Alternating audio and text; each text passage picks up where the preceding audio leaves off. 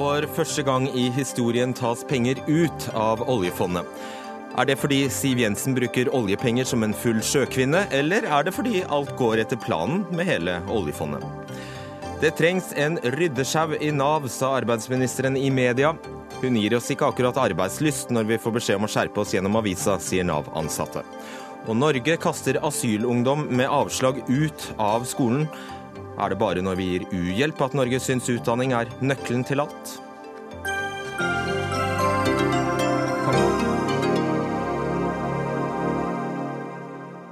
Da var det fredag, og ukas siste Dagsnytt 18 er i gang.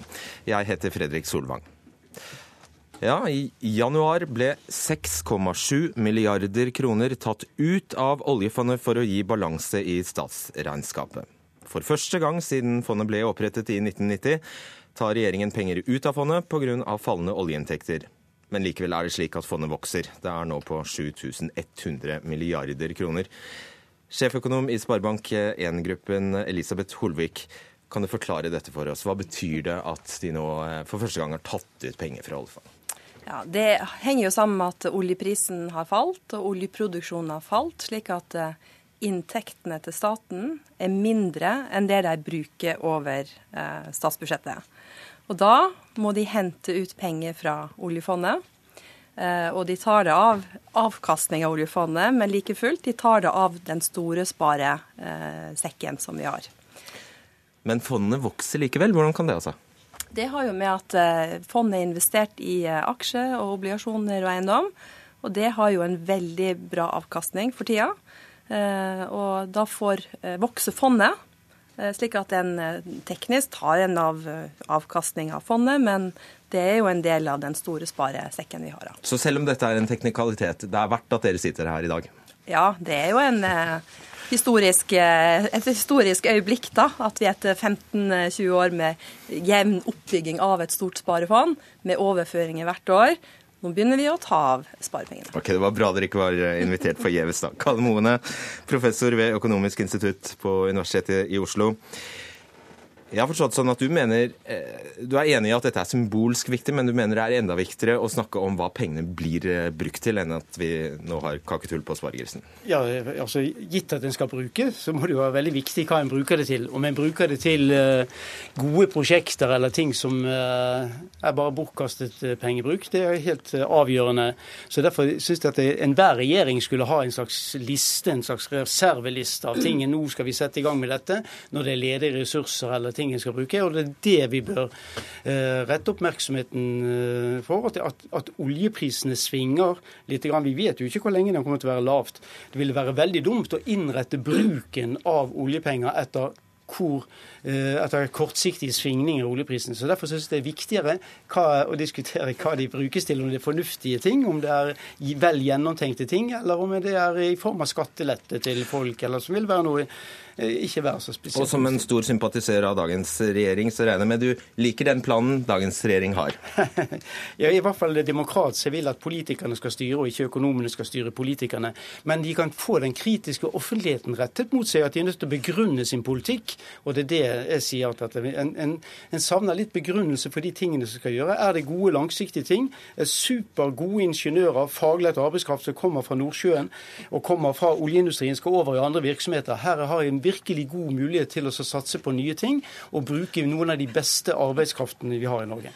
Ja, Det er jo bare å si velkommen etter. For i forarbeidet til handlingsregelen som ble etablert i 2001, så var det klare føringer for hva en skulle bruke oljepengene på. Og det hang sammen med at den demografien vi har i Norge, med eldrebølgen som slår inn rundt 2020, Eh, og oppbyggingen av fondet var jo tenkt nettopp å skulle bruke av avkastningen løpende for å ruste norsk økonomi til å håndtere de store utgiftene med eldrebølgen.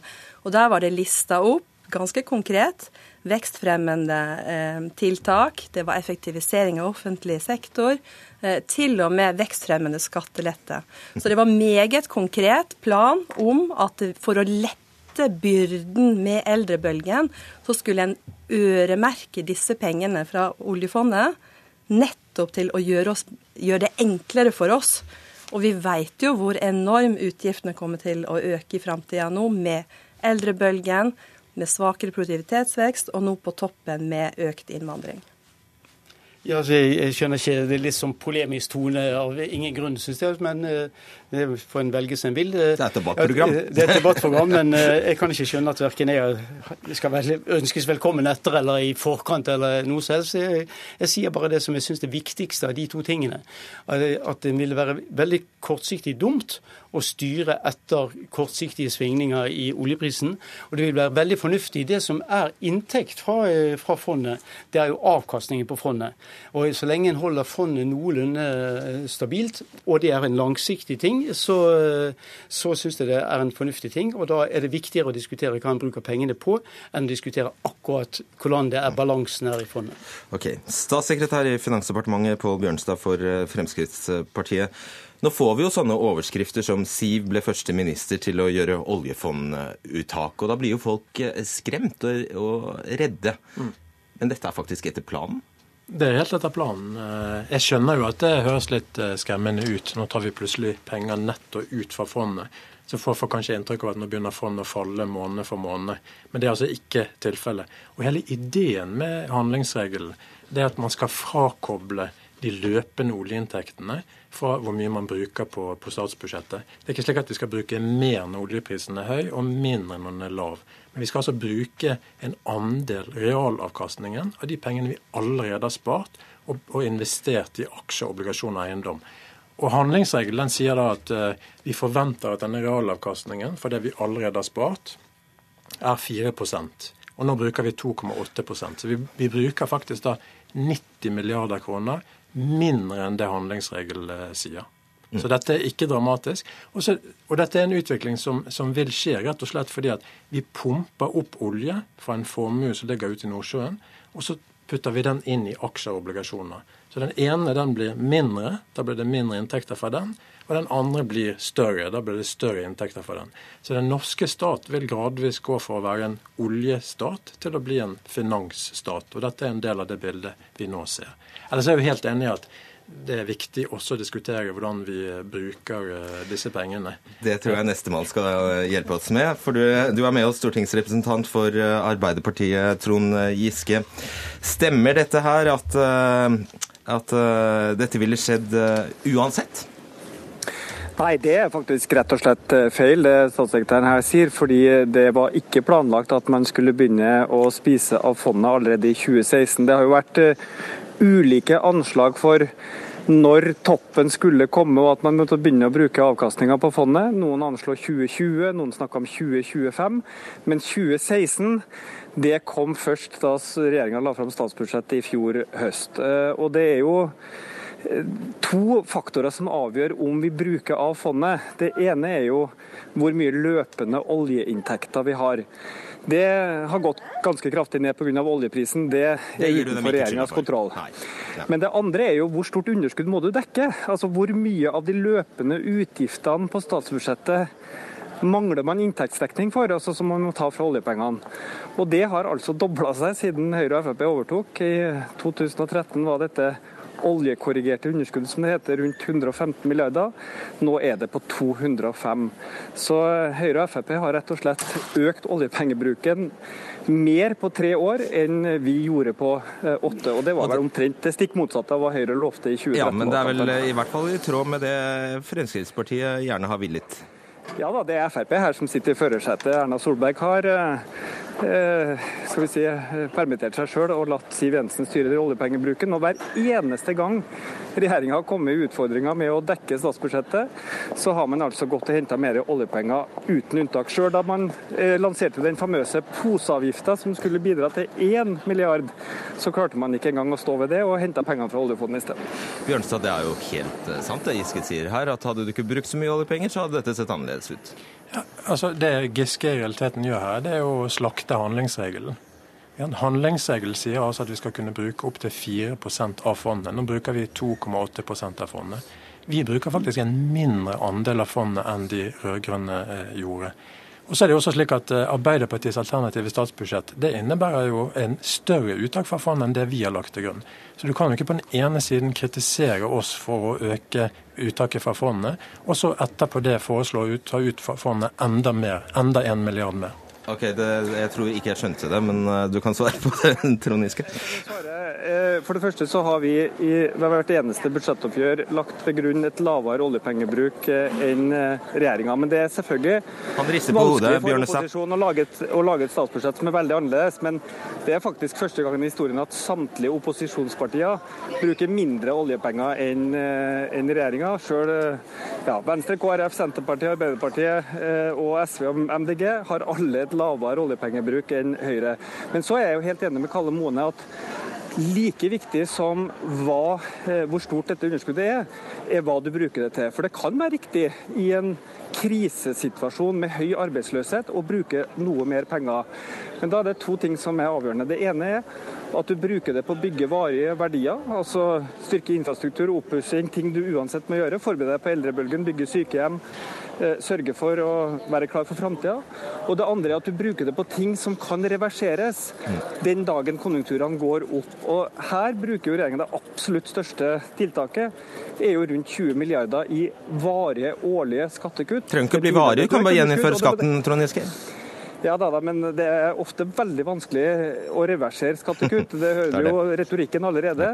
Og det å reversere skattekutt har en annen effekt på økonomien enn å la være å gi dem. Ok.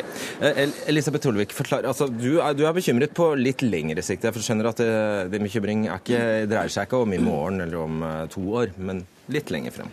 Ja, for Hvis en ser på eh, statens utgifter framover i tid, så er det i alle langtidsbudsjett, og det har vært tilbake til handlingsreglene ble innført, så har vi visst at eh, eldrebølgen kommer.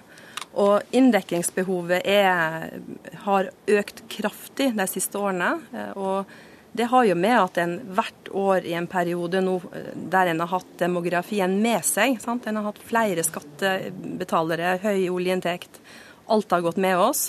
Eh, og nå får vi motvind fra alle kanter, og så fortsetter en bare å øke eh, utgiftene. En øker eh, utgifter som er vanskelig å reversere med rettigheter, med, med at en ikke begynner å stramme til på trygde- og sosialytelser for å, å styrke arbeidslivet. Og skattekutt, sier er du enig i det? Altså, Jeg syns det er viktig å, å, å, ta opp eh, behovet for kapital i Norge, risikovillig kapital. Og når rentene er så lave, så virker dagens formuesskatt veldig hardt på eh, norske eiere. Ikke enig med Giske akkurat. Sånn at eh, akkurat eh, en situasjon når kapitalmarkedene er så vanskelig som de er, norske banker opplever høyere innlånskostnader, bedrifter som skal låne obligasjonsmarkedet har store problemer, og da I disse krisetider så er det alltid egenkapital som er viktig. Mm. Og den er under press i Norge. Kalmoen, du etterlyser jo altså en eh, plan og mer planmessige investeringer. Er skattekutt, eh, er skattekutt det? Altså det, det, er avveininger som uh, på en måte ikke er økonomer og spesialister til å gjøre. Dette er, uh, dette er jo synspunkter som uh, politikerne går til valg på. Det som jeg syns er mer økonomenes oppgave, det er ikke å styre politikerne, men også være med og diskutere hva alternativene er. Og Det som jeg syns er veldig viktig, så jeg vil gjenta litt, er at det skulle, jeg synes at enhver regjering skulle ha prioriterte prosjekter som er slik at når det er en åpning til det som det er nå, med, med avslakking i oljesektoren og sånn, så har en veldig gode prosjekter å sette i gang. Ting som en ønsker å få gjennomført, som har god lønnsomhet i samfunnsøkonomisk forstand. Gi et eksempel på det. Ja, F.eks. Eh, det som opprustning av jernbane, det typiske sykkelstier, ting, ting som en ønsker seg veldig lenge. Det er veldig gode prosjekter. Miljøinvesteringer av forskjellig slag. Parkanlegg kan det være. Sykehjemsopprustning. Det er mange gode ting å gjøre. Og det trenger ikke engang være slik at du skal reversere det, for det kan jo godt være ting du ønsker ønsker å gjennomføre. Men vi må litt bort ifra det der, at den fremmedgjøringen som det representerer, at en bare får sauestiren akkurat på hvor mye penger en bruker her. Så lenge en ligger innenfor uh, avkastningen på fondet uh, i gjennomsnitt, og det kan godt være at jeg noen perioder kan til og med bruke mer enn avkastningen, så er det en fornuftig, uh, det er fornuftig. Det er det som er handlingsreglene, det er definisjonen av en inntekt. At du kan bruke noe uten å forringe formuen. I stedet Bjørnestad, så får, har jo folk inntrykk av at dere bare driver en daglig drift, og som Holvik sier, bruker enormt mye penger på trygde f.eks. Jo da, det er mye av det økte handlingsrommet som hvert år går til økte utgifter på folketrygden. 11 milliarder kroner. Eh, men jeg er helt enig i det at det er viktig å sette fokus på hvordan vi bruker disse pengene. Norge er verdensmester i offentlige utgifter. Vi har de høyeste offentlige utgiftene som andel av BNP for Fastlands-Norge. Og Samtidig så har vi på en rekke områder så var vi middels resultater. Da kan ikke løsningen bare være å pøse på med mer penger. Da må vi også gjennomføre reformer slik at vi får mer igjen for pengene. Og så har jeg lyst til å bare lese én setning for Giske. Den er en bør ikke basere den økonomiske politikken på at skatte- og avgiftsnivået skal øke. Snarere bør noe av det handlingsrommet økt innfasing av oljeinntekter gir, over tid benyttes til å redusere skatter og avgifter. Hvor står dette? Jo, det står i Jens Stoltenbergs bibel, nemlig stortingsmelding 29 om handlingsregelen. Så Jens Stoltenberg argumenterte altså at vi skulle bruke 4% nå bruker vi 2,8% og han argumenterte også for at vi skulle bruke noe av handlingsrommet til å redusere skatter og avgifter, for det er det vi stimulerer til investeringer, og det vil også eh, stimulere folk til å jobbe mer. Okay. Og Det bidrar til bærekraften i statens, statens finanser på sikt. Der ble du tatt på senga, Giske. Nei, jeg ble ikke det. Fordi denne trickle down economy som eh, Frp her gjør seg til talsmann for, den er prøvd i 40 år uten å virke. og Det er nesten et samstemt økonomkorps som sier at særlig eh, de skattekuttene som regjeringa har prioritert, Eh, ikke virker på sysselsettinga. Det finnes noen skattekutt, og vi er f.eks. med på å redusere selskapsskatten. Det vil være positivt for bedriftene, slik Gros eh, skattereform på 90-tallet bidro. Men det som er veldig skremmende, er at man samtidig som man dobler pengebruken, for det er jo ikke det man gjør at man liksom bremser på pengebruken og gjennomfører reformer, man pøser ut mer enn noen regjering før, så har vi den høyeste arbeidsløsheten eh, på mange, mange år. 130 000 ledige. Og dette er helt riktig som det blir sagt i studio, før den store eldrebølgen kommer. Vi kommer til å bli dobbelt så mange pensjonister i løpet av noen tiår. Det har ennå ikke begynt. Den utgiftsveksten var tenkt å dekkes delvis ved oljefondet. Nå bruker Frp opp det handlingsrommet før den utgiftsveksten kommer. Ok, Karl Moen og så uh, Holvik, veldig kort. Jeg, syns det er viktig med en kritisk offentlighet omkring uh, de tingene, og ikke at en skal diktere utenifra.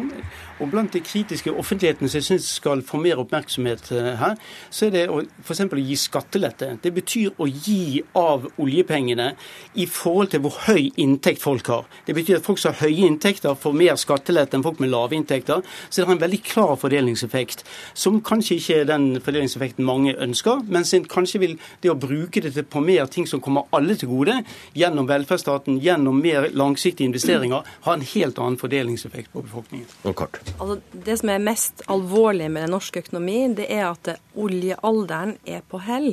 Samtidig som produktivitetsveksten er mye svakere enn det den har vært før. Det betyr at vi vokser saktere, og vi kan tillate oss mindre velferd fremover. Da må en tilpasse seg det, eller så vil en bruke av våre barns mm. Eh, formue. Og bare et siste, veldig, kanskje banalt spørsmål til deg, Bjørnstad. Altså, når vi da skjønner at vi befinner oss snart på et slags vippepunkt, hvor smart er det da å ha en nettside fra en, eh, Norges Banks nettside med et telleverk som viser hvor rike vi er?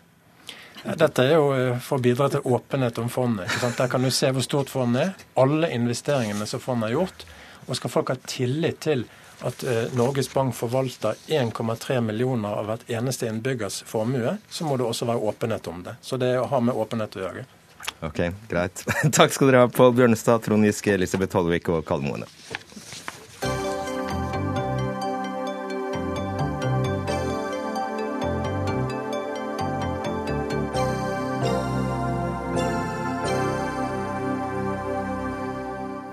Tillitsvalgte i Nav er lei av at politikerne til stadighet kritiserer arbeidsplassen deres.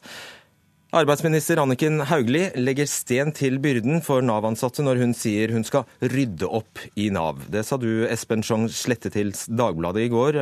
Du er hovedtillitsvalgt for Unio-forbundet Akademikerforbundet i Nav i Tromsø kommune. Hva er det du reagerer sånn på?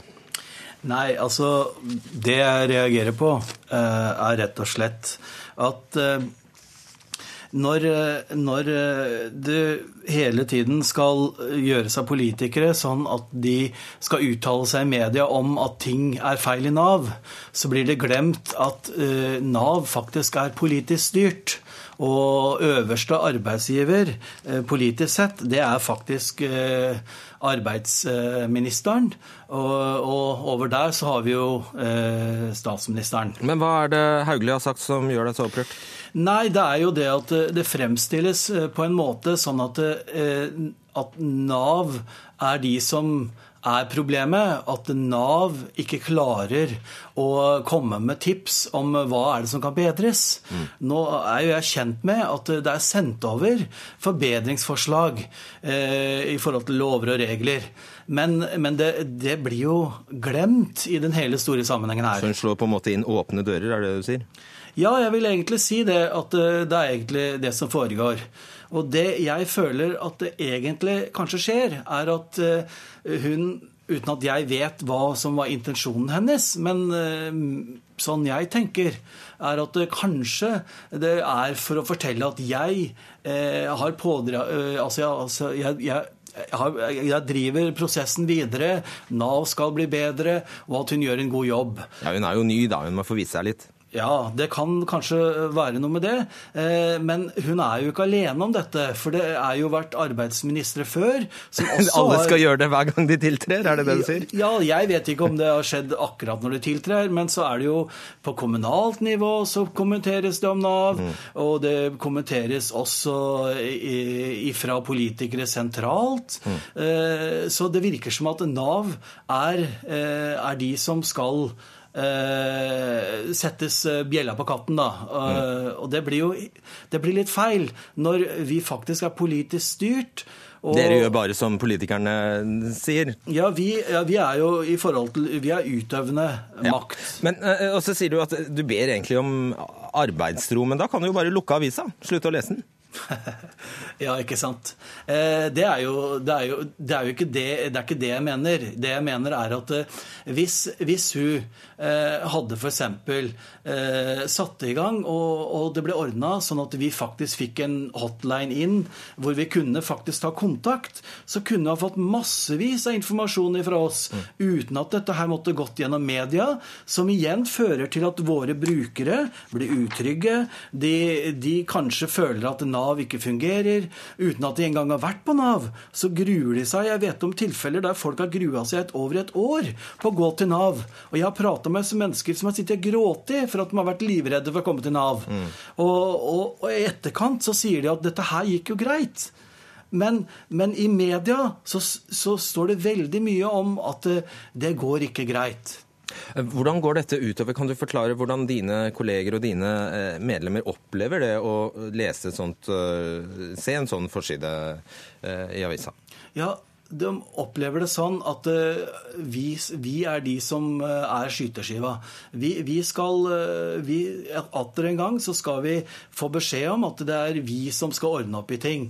Men det er Og at det er bare kaos i Nav, og at dere gjør en dårlig jobb? Er det det Ja, det er, og det er jo det, Altså, bildet er jo mye mer nyansert enn som så. Og det blir så veldig det blir så veldig sort-hvitt.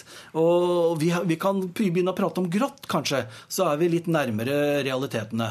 Går det innpå dere, sånn oppriktig? Ja, det gjør jo det. Eh, jeg skal være ærlig og si det at jeg sitter jo noen ganger i etterkant av at jeg har hatt eh, møter med kunder eller brukere, eller hva man ønsker å kalle det. Kalle mennesker som kommer til Nav.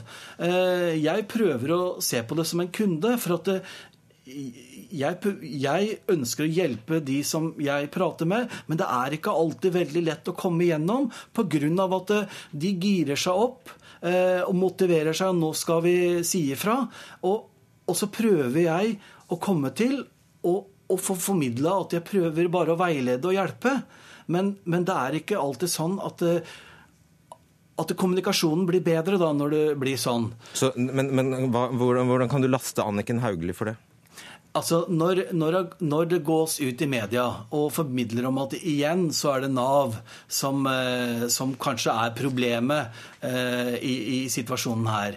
Eh, problemene det ligger jo andre plasser også. Det, jeg sier ikke at Nav er et ufeilbarlig uh, enhet. altså det er ikke ufeilbarlig. Nav er ikke ufeilbarlig i det hele tatt. Men det er, vi er styrt av lover og regler, og hvem er det som kommer med disse lovene og reglene? Ok, så Helt konkret og, helt til slutt, Slette. Ja. Når Anniken Huitfeldt sier at Nav er for firkanta, og at man er for naive pga. måten det, Nav styr, styres på, Eh, er, tar dere det som en beskjed fra Hauglie om eh, om at dere er for firkanta? Ja, det blir, det blir jo oppfatta sånn, da. Ja. Eh, at vi er firkanta. Men så vil jeg også si det at det, Politisk sett så er hun vår øverste leder, og i, i arbeidsmiljøloven så står det at uh, arbeidsgiver skal ikke utsette arbeidstakere uh, under, under uh, paragraf 4-1 så står det skal ikke utsette arbeidstakere for uheldige fysiske og psykiske belastninger. Og det er egentlig det som, det som har skjedd her over mange år. Mm. Ok, Da sier vi tusen takk til deg, Espen Schong ja, Slette. Bare hyggelig. Takk skal du ha. Og da har vi deg. Anniken Hauglie, arbeids- og sosialminister fra Høyre. Er det noe i det Slette sier at enhver ny statsråd, og kanskje spesielt arbeidsminister, har et behov for å vise handlekraft og rydde opp i Nav? og Nei, jeg tror nok ikke det. Men jeg vil jo si det som er bakgrunnen for det brevet som eh, jeg har sendt til nå, Nav, og som er utgangspunktet for det oppslaget som man viser til, eh, det var at jeg ønsket å Altså vi er i nå en situasjon med økende ledighet, med en flyktningsituasjon. Vi trenger å forbedre og forenkle systemene våre. Og jeg har da invitert direktoratet til å komme med og identifisere flaskehalser, lover og regler, forskrifter og ting som har gått ut på dato, og som bidrar til å vanskeliggjøre ansatte sitt arbeid, men også redusere brukeropplevelsen for de som oppsøker Nav. Og, og, men så hører du at det blir jo misforstått, fordi de tolker det som en kritikk av seg. Ja, og det er klart at Hvis man bare leser eh, VG sin eh, overskrift, så skjønner jeg for så vidt det. For da kan man kanskje få inntrykk av at jeg ber dem om å rydde opp i eget reir, og det gjør jeg jo ikke. Jeg ber dem tvert om, Når du leser hele saken for så vidt, og leser ikke minst brevet jeg har sendt, så står det veldig tydelig at jeg ber dem om å hjelpe meg å identifisere eh, flaskehalser. Og, det, og bakgrunnen for det er at jeg ser jo at det er en del regelverk som har gått ut på dato, og som vanskeliggjør arbeidet til ansatte. Hvis jeg kan bare ta fire, ja. noen eksempler som jeg, nå, som jeg nå foreslår. Jeg har foreslått fire, eh, fire konkrete forslag på dagpengeregelverket for å gjøre det lettere å, å, kombinere dagpenger og utdanning, og kombinere det å starte egen virksomhet med dagpenger. Og Det var da én intern prosedyre i Nav som jeg ba dem om å rydde av veien. Det var to forskrifter som er i mitt eget departement, som jeg selv måtte rydde opp i. Og så er det én lovendring som jeg inviterer Stortinget til å endre opp i. For det er klart, det er som han sier, veldig mye av det regelverket som Nav styrer etter, det er vedtatt av noen andre enn Nav. Stortinget, regjering, departement osv. Og, så og det er der jeg sier at hvis de nå identifiserer regler som eh, er i veien for å gjøre en god jobb, som er til hinder for å få folk i jobb, ja, så kom med dem. Så skal jeg være den første til å løpe foran og fjerne dem for dem. Men et par momenter, da. Altså, du kan skjønne at når du bruker ord som ryddesjau deiser inn som ny statsråd, og det første du sier er at her trengs det en ryddesjau, så er det lett at de mange mange tusen Nav-ansatte føler at nei, nå, nå, nå, snakker hun om oss. Altså jeg, jeg er den oppfatning, jeg er helt sikker på at av eh, Navs 19 000 ansatte, så går de aller fleste på jobben hver dag med et ønske om å gjøre forskjell for mange av de brukerne som de eh, møter på. Men vi leser også og hører om, eh, stadig vekk om historier hvor brukere føler at de får en dårlig behandling, og hvor da Nav må nærmest unnskylde seg med å si at beklager, men regelverket er sånn. Og Noen ganger så må kanskje regelverket være sånn, men andre ganger så tenker jeg at at Nav selv opplever at regelverket er ikke så veldig bra, og da må vi også endre det. Og i hvert fall det regelverket som krever lovendring eller forskriftsendring. Da vil jeg være den første til å løpe foran med fanen og rydde det av veien. For mitt mål er jo at de ansatte skal kunne bruke tida si på å gjøre en god jobb, og ikke drive oss og snuble rundt i et utdatert lov og regelverk. Så blir jo Slette, sier Slette at de blir litt oppgitt over at hver gang det kommer en ny statsråd, så ser vedkommende lyset, og så har de egentlig spilt inn disse forslagene, prøvd å spille inn disse forslagene for lengst, for lenge, lenge, lenge siden. Men de tas ikke videre i systemet, og de havner aldri på din pult. Ja, jeg, jeg, håper ikke det skjer denne gangen. Jeg gleder meg veldig til å få tilbakemeldinger nå. Jeg håper at man også kommer med tilbakemeldinger, og jeg skal være den første til å vurdere dem og også rydde dem av veien. Jeg jobber jo også nå med en melding eh, for Stortinget om eh, Nav, og mitt mål er jo nettopp å bidra til å forenkle Nav. Eh, sørge for at de ansatte har mer handlingsrom, mer frihet. Det er mitt mål å sørge for det nå. Og hva tidligere arbeidsministre har gjort, det får stå for deres regning. Men, men jeg har jo også en bakgrunn fra kommunen og har sett også hvordan mange av de statlige ansatte har vært hva skal man si, litt sånn bundet opp av et regelverk som kan virke veldig tungvint og rigid. Og jeg vil være den som jeg skal gjøre mitt for å, å rydde det av veien. Eh, nå hadde ikke du noe ønske om å gå i debatt med Slette, og det var helt uh, greit for oss for så vidt. Men har du god kontakt med de ansatte i Nav? Ja, altså jeg, har, jeg, skal jo ha møter nå utover med Jeg treffer jo også besøker Nav-kontorer, og jeg har jo også, skal jo ha regelmessig eh, møte med Navs ledelse. og Jeg vil gjerne også snakke med Navs eh, ansatte. Det som var utgangspunktet i den saken her, var jo at jeg nå sendte et brev for noen uker siden til Nav. For jeg ba dem om å identifisere disse eh, flaskehalsene.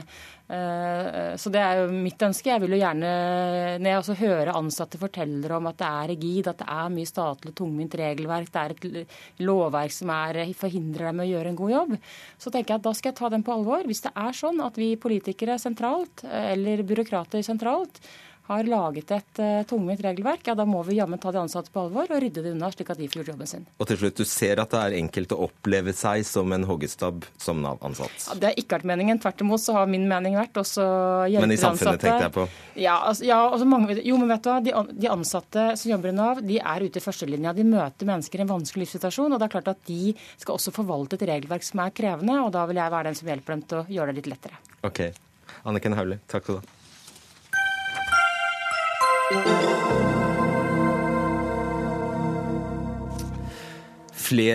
eller bedre lærere? Ja, Det er spørsmålet det finnes minst to svar på.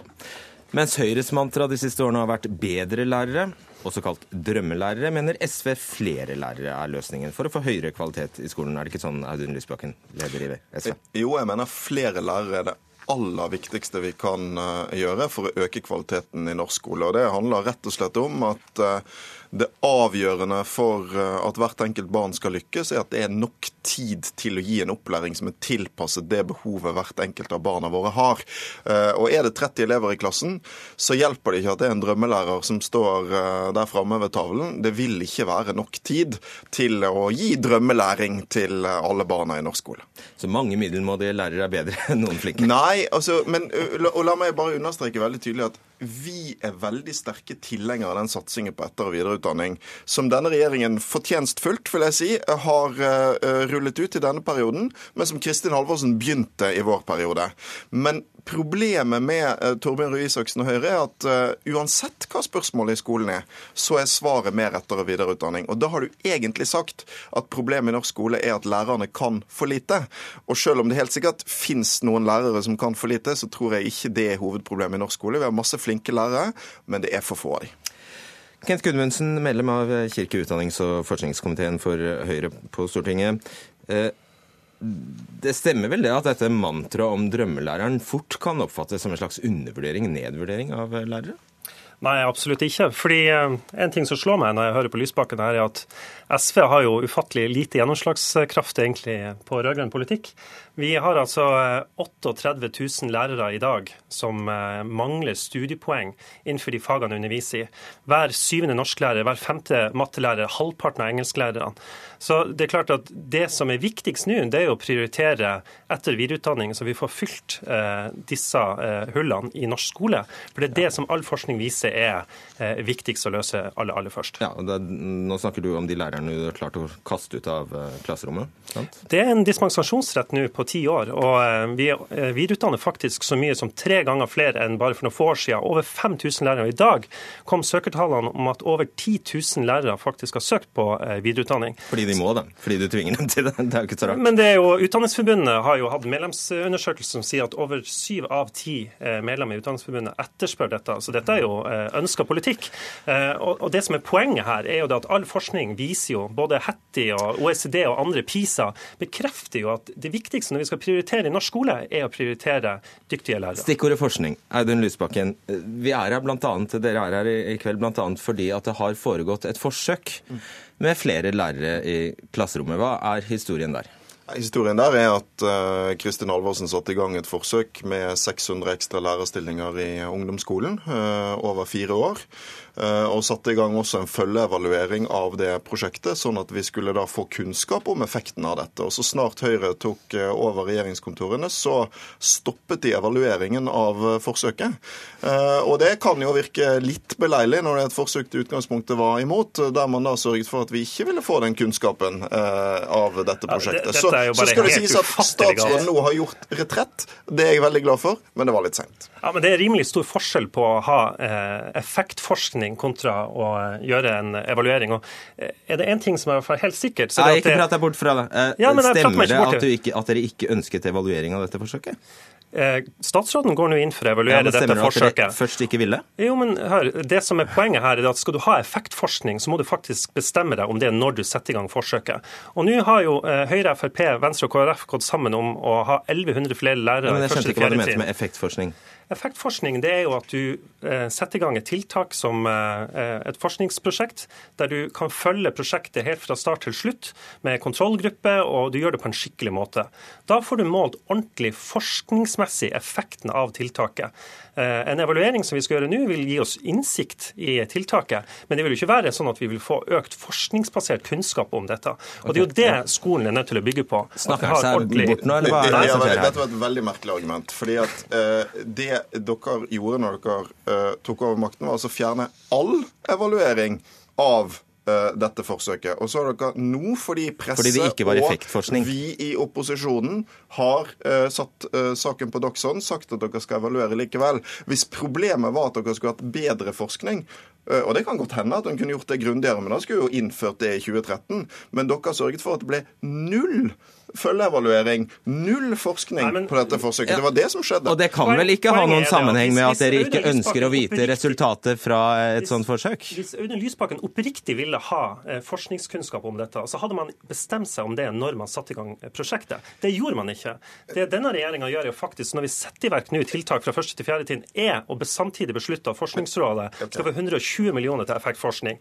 Nå skal vi også i tillegg ha ekstern effektforskning. Eller ikke effektforskning. Hvorfor ble, bare, men, ja, bare, stopp, stopp en bare, bare, svar enkelt på det. Ja. Hvis evaluering var en elendig idé for noen uker siden eller for noen dager siden, hvorfor er det i dag en god idé? For det første, eh, effektforskninga får vi ikke til. Ja, ja, ja, men ja. Eh, evalueringa med den, eh, den ordninga som har vært nå fra de rød-grønne, den, den, tar vi gjerne. Fordi vi ønsker mer kunnskap om de tiltakene som er i norsk skole. Men det er jo ingen tvil om at det er en plan B i forhold til hva man opprinnelig kunne ha fått til.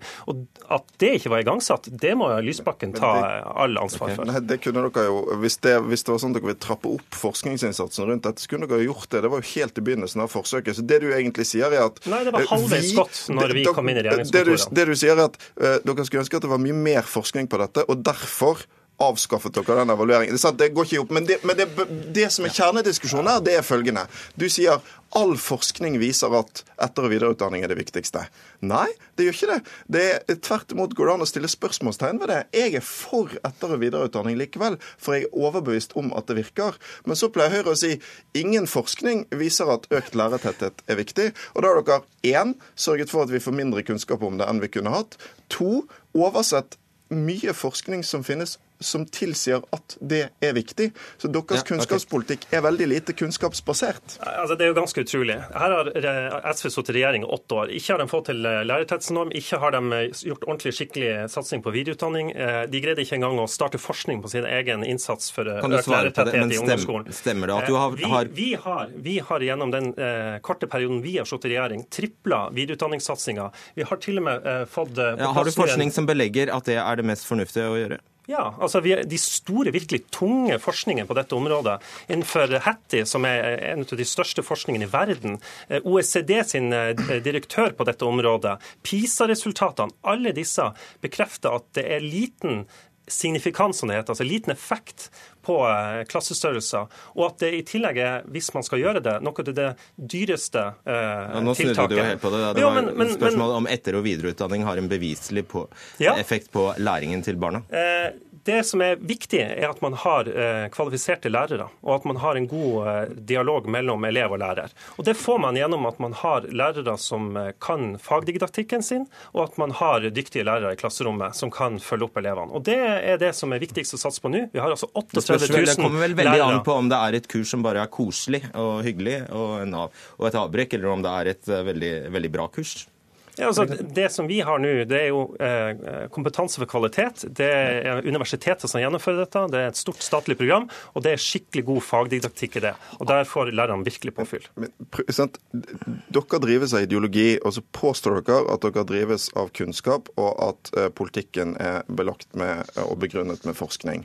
Hvis du går inn og ser på dette, så eh, er det vanskelig å måle hva som gir effekt på hvert enkelt barn og i hvert enkelt klasserom, men det er ikke noe bedre belegg for å si at etter- og videreutdanning er viktig, enn eh, for å si at lærertetthet er viktig. Likevel har Jeg jo tror- SV vært for det i mange år. Tror Likevel har SV vært Ja, for det. og tror... Og da er jo du drevet like mye av ideologi. Jeg er veldig sikker på at begge deler er viktig.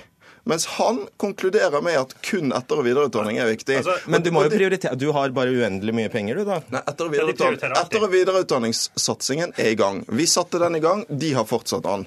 Vi kunne nådd en lærernorm i, norsk skole som hadde sørget for at det ikke var mer enn 15 elever per lærer fra første til fjerde trinn, og ikke mer enn 20 fra femte til koster tiende to trinn. milliarder kroner som du må finne. milliarder Og så ville kroner Som finne. og så ville ha gått til de største byene hvis man skulle ha fordelt de, og det er der de beste resultatene også er. Sånn at det er veldig mange hold i eh, kunnskapspolitikken til SV.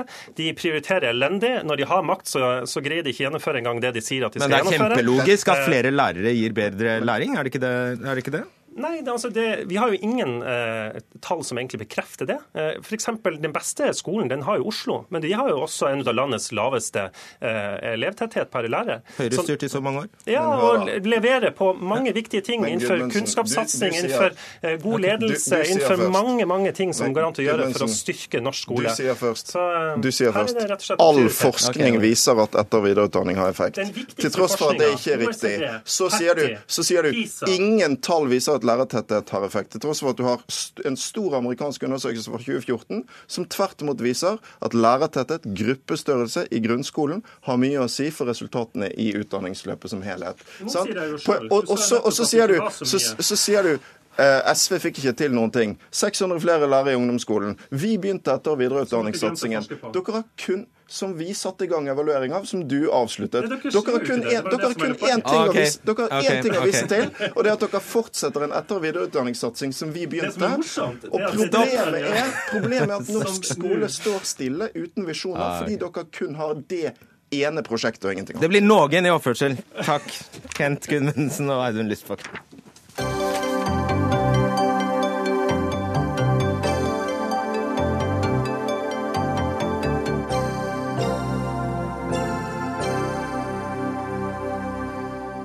Debatten om dumping av gruveslam i Førdefjorden fortsetter, men først en kort presisering.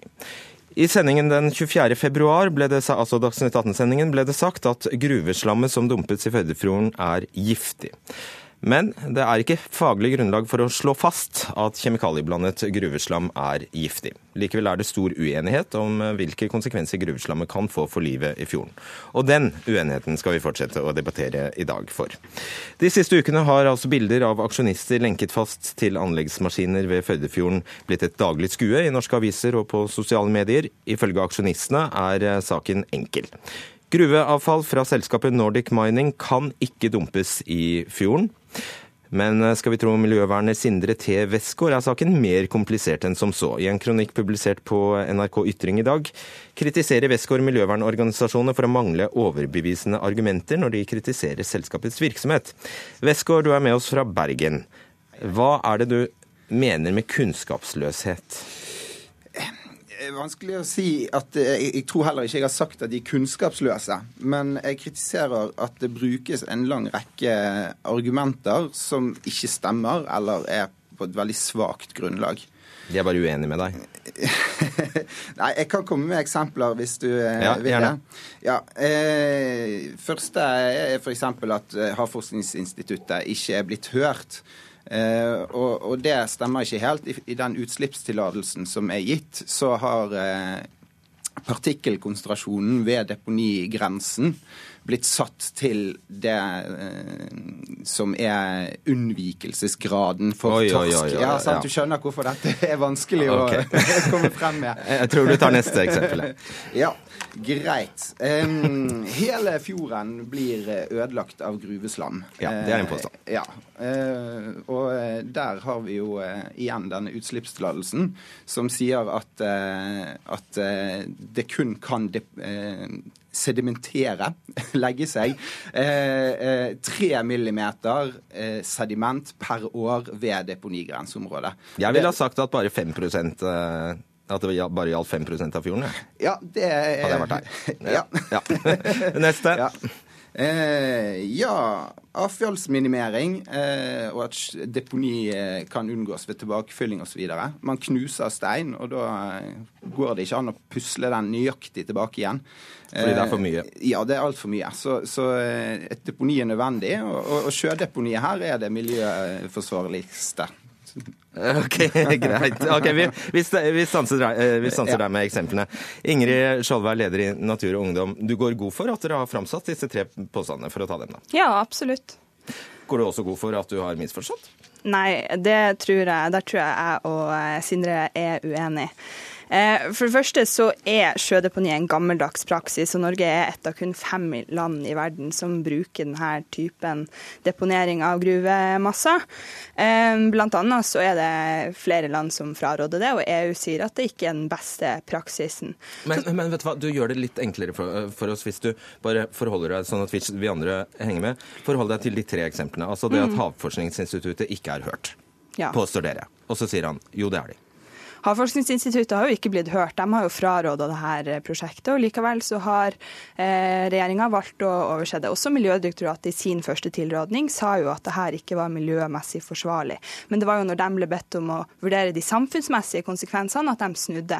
Og så kan man jo diskutere om de samfunnsmessige konsekvensene er der, når man jo faktisk truer eh, arbeidsplasser innenfor bl.a. havbruk. Mm. Og neste, det at hele fjorden blir ødelagt. Påstår dere det? Jeg påstår ikke at hele fjorden blir ødelagt, men problemet er jo at vi ikke vet nok om konsekvensene. Og så vil jo også 5% av fjorden vil dekkes av det her eh, deponiet. Men det vil jo også En fjord er, et ganske, er jo et økosystem som eh, er i bevegelse. Og det er, jeg vil si at det er ganske naivt å tro at det kun er de kvadratkilometerne som vil dekkes av deponi, som vil få konsekvenser. Jeg tror også at steinen vil lystre. Steinen vet vi ikke om vil lystre, og det vil også være flere fiskearter som vil kunne få eh, konsekvenser av at bunn, bunn, bunn i Ok, eh, og, og kjapt, bare siste, siste eksempelet til Westgård. Dette med at eh, dere påstår at det er mulig å dytte steinen tilbake når du først har hakka den opp. Eh, avfallsminimering er jo noe man kan gjøre. Altså I dag så skal man jo ta ut det mineralet som heter rutil fra gruva. Det er kun ca. 4% av fjellet, og resten skal man deponere i fjorden. Men sannheten er jo at man kan bruke større deler av disse massene, og så kan man tilbakefylle resten. Og da løser man jo litt av det problemet som, som Sindre påpeker, at, at man får så store mengder. Og jeg vil si at det er en ganske, det er ganske dårlig bruk av ressurser da, å dumpe ressursene rett i fjorden. Ok, Dette hørtes langt fra kunnskapsløst ut. Ja, eh, men samtidig så stiller utslippstillatelsen krav til, for å ta tak i det siste, da, så vi prøver å holde en tråd, stiller krav til at selskapet hele tiden, kontinuerlig, må jobbe med avfallsminimering.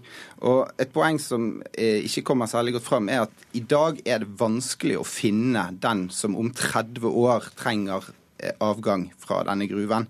Så det er helt umulig å finne bruksområder i dag for okay, alt sammen. Ja, før, før du vikler deg enda mer inn i det. det altså, noe av det som er litt spennende med deg, er at du er- selv eh, hevder du, sier du er miljøverner, og så er du aksjonær i Nordic Mining.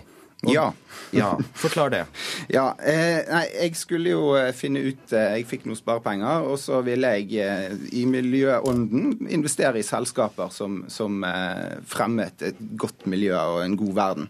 Og Solenergi og Nordic Mining ble tingene. Og Grunnen til Nordic Mining er at eh, de eh, prosjektene de har, er bra. Eh, og Engebø-prosjektet f.eks. kutter 80% av CO2-utslippene på rutilproduksjon til Europa. I forhold til andre land. Ja. ja. Ok, ta, se, eh, Skjoldberg, han er miljøverner. Han er aksjonær, han eier Nordic Mining? Ja, jeg tenker at Hvis, hvis han virkelig er så miljøengasjert, så, så, er det ganske betenkelig at han investerer pengene sine i et prosjekt som bruker eh, en ganske dårlig standard når det kommer til å deponere avfall i fjorden. Dette er nok en gammeldags standard. Eh, og jeg vil si at Fremtidas gruveindustri de dumper ikke avfall, avfallet på fjorden. Eh, India f.eks.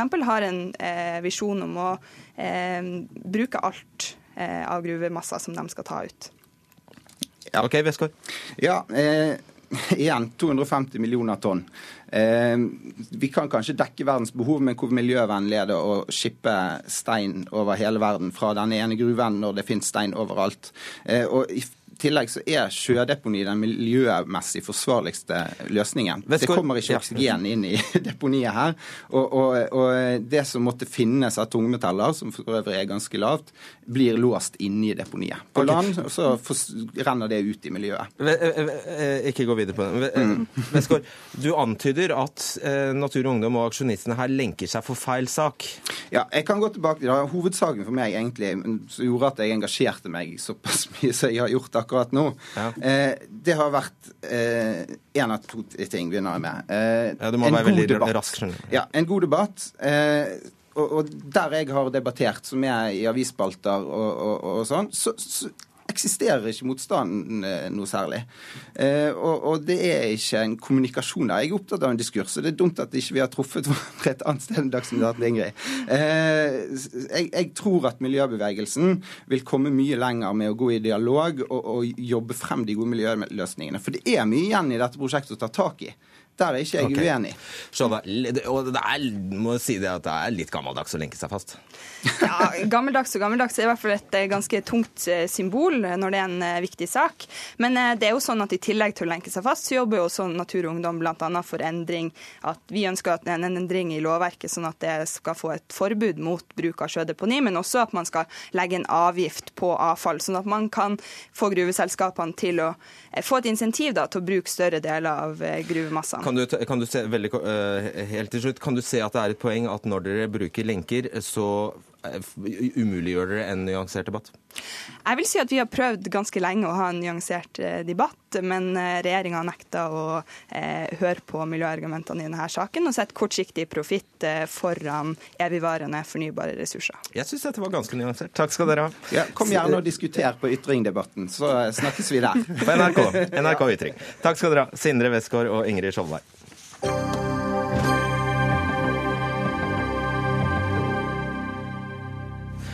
Ungdom i familier som har fått endelig avslag på asylsøknaden, fratas i dag retten til videregående skolegang, selv om de av ulike årsaker blir værende i landet i lang tid. Dette er i strid med Barnekonvensjonen, mener Press.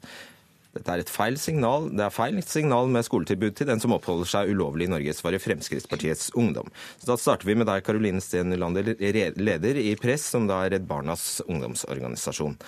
Eh, det er i en kronikk i Dagsavisen at du tar til orde for å endre opplæringsloven. Hva er det, hva er det som skjer?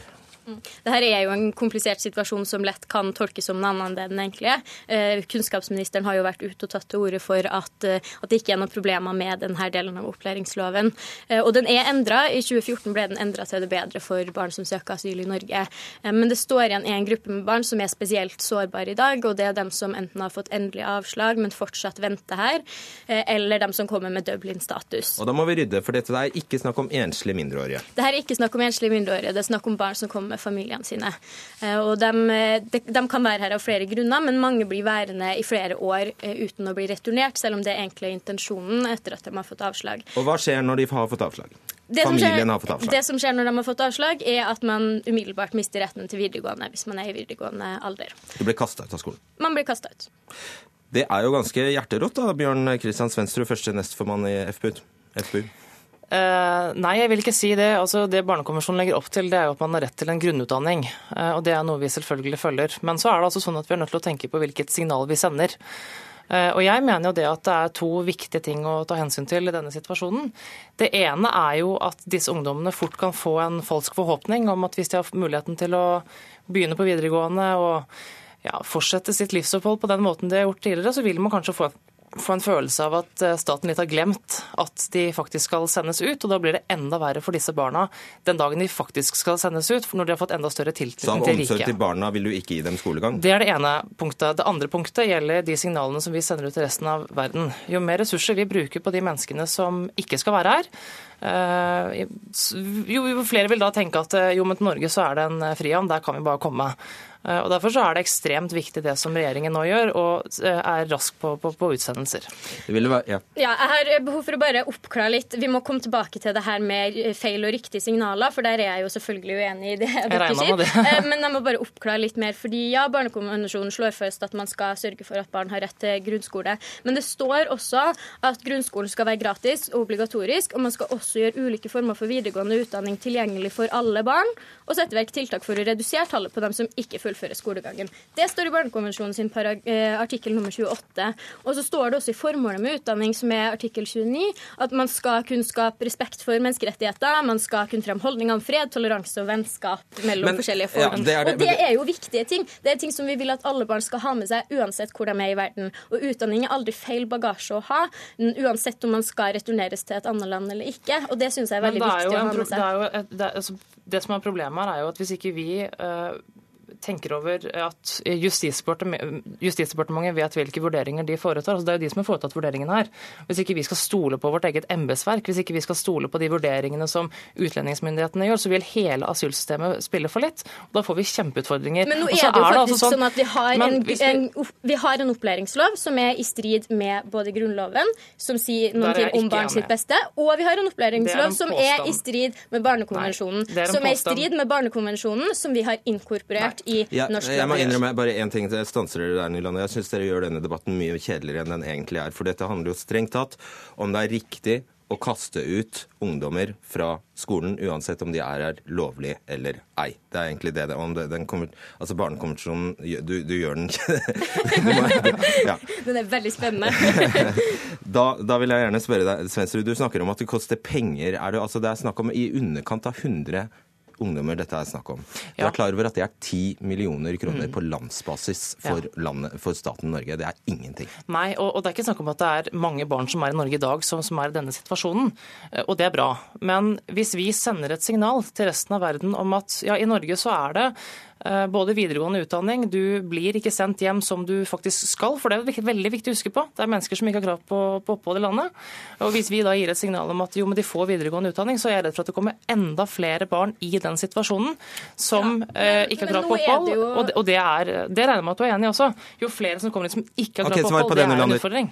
Det er en kjempeutfordring. Og nå er det jo sånn at dere sier at dere prioriterer returer. Allikevel så ser vi at det er barn som sitter her i mange år og venter på retur, og som sitter der da og også har fratatt alle sine rettigheter, som ikke kan gå på skole med vennene sine, som bare sitter og stirrer rett i taket og ikke har noen ting å gjøre. Det skaper ikke noe godt grunnlag for en god psykisk helse. Det skaper mange problemer videre i kjeden av f.eks. bistandspenger. Det å sende barn tilbake som ikke kan ta igjen eh, dem som er på jevn alder med seg sjøl når de begynner på skolen i et annet land, det er ikke en god måte å drive bistandspenger på. Det er et godt ikke- poeng, eh, Svensrud. Altså, vi, sender, vi bruker jo masse penger på nettopp bistand til utdanning. Mm. Og så skal du sende dem tilbake til hjemlandet dårligere rustet til å bygge opp landet Men- enn de kunne kunne ha vært. Vi, vi glemmer oss, Dette er mennesker som ikke har krav på opphold. ikke sant? Det er mennesker Men de som har krav på får, utdanning. Ja, og det får de i henhold til, til grunnutdanningen i henhold til Barnekonvensjonen. Det er det ingen tvil om. De har krav på, på grunnutdanningen, og den får de. Og det er ingen som er uenig i det.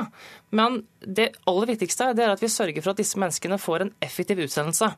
Eh, Fordi at hvis Men det er jo ikke realiteten på bakken. Jo, nei, men Det er derfor vi er nødt til å sørge for at det kommer enda flere effektive utsendelser. Ja, Men du forholder deg jo ikke til at mange er her. Mange, Nei, men mange, Det er snakk om 70 mennesker. 70 er ganske mange barn som får livene sine ødelagt pga. Men at det de ikke er er enda utdannet. flere som er her som har krav på opphold. Og de menneskene som er her og har krav på opphold, veldig viktig at vi sørger for at det er de menneskene som blir putta ressurser på, fordi de skal bli en del av det norske Og samfunnet. Nylander, de være skal bli integrert, skal lære seg eh, norsk og skal bli en del av det norske samfunnet. Nylander, det vil jo være et helt schizofrent signal fra staten Norge å gi, si at du skal ut. Nei, vent litt, vi gir deg skolegang. Nei, det syns jeg ikke. Jeg synes at uh, Så lenge barn har rett til utdanning, og det står også spesifikt i Barnekonvensjonen at alle land skal etterstrebe at barn får fullført også videregående utdanning. Da er det noen ting vi må prioritere i første rekke. Og så er det også sånn at noen av dem her f.eks. kommer eh, og er eh, asylsøkere gjennom Dublin-forordninga. Dublin-forordninga er totalt på bristepunktet. Vi har et Europa som står overfor en enorm flyktningkrise. Det er ikke pga. asylpolitikk, det er ikke pga. Den norske asylpolitikken. Okay. Men allikevel, når man har et sånn Dublin-system som vi har i dag, så kommer mest sannsynlig mange av de her barna til å bli værende i Norge resten av livet sitt. Og da må de ha rett på Og da har du ti sekunder på å svare. Ja, jeg har ti sekunder på å svare på det. og det, det, det jeg svarer på det er først og fremst at det er viktig å få sendt disse menneskene som ikke skal være her, de må ut av landet. Og så må de menneskene som har krav på opphold, de må være her, bli en del av norske samfunn og få utdanning. Vi har nødt til å endre opplæringsloven. De som skal være her, de skal ha muligheten til å bli en del av norske norske Og da er det 20 sekunder igjen av sendingen. Takk skal dere ha. Bjørn Kristian Svendsrud og eh, Karoline Steen Nylander. Dagsnytt 18 er eh, over denne fredagen. Det var Ida, Ida Thun Øresland som var ansvarlig for den. Teknisk ansvarlig Finn Lie, og i studio Fredrik Solvang. God helg.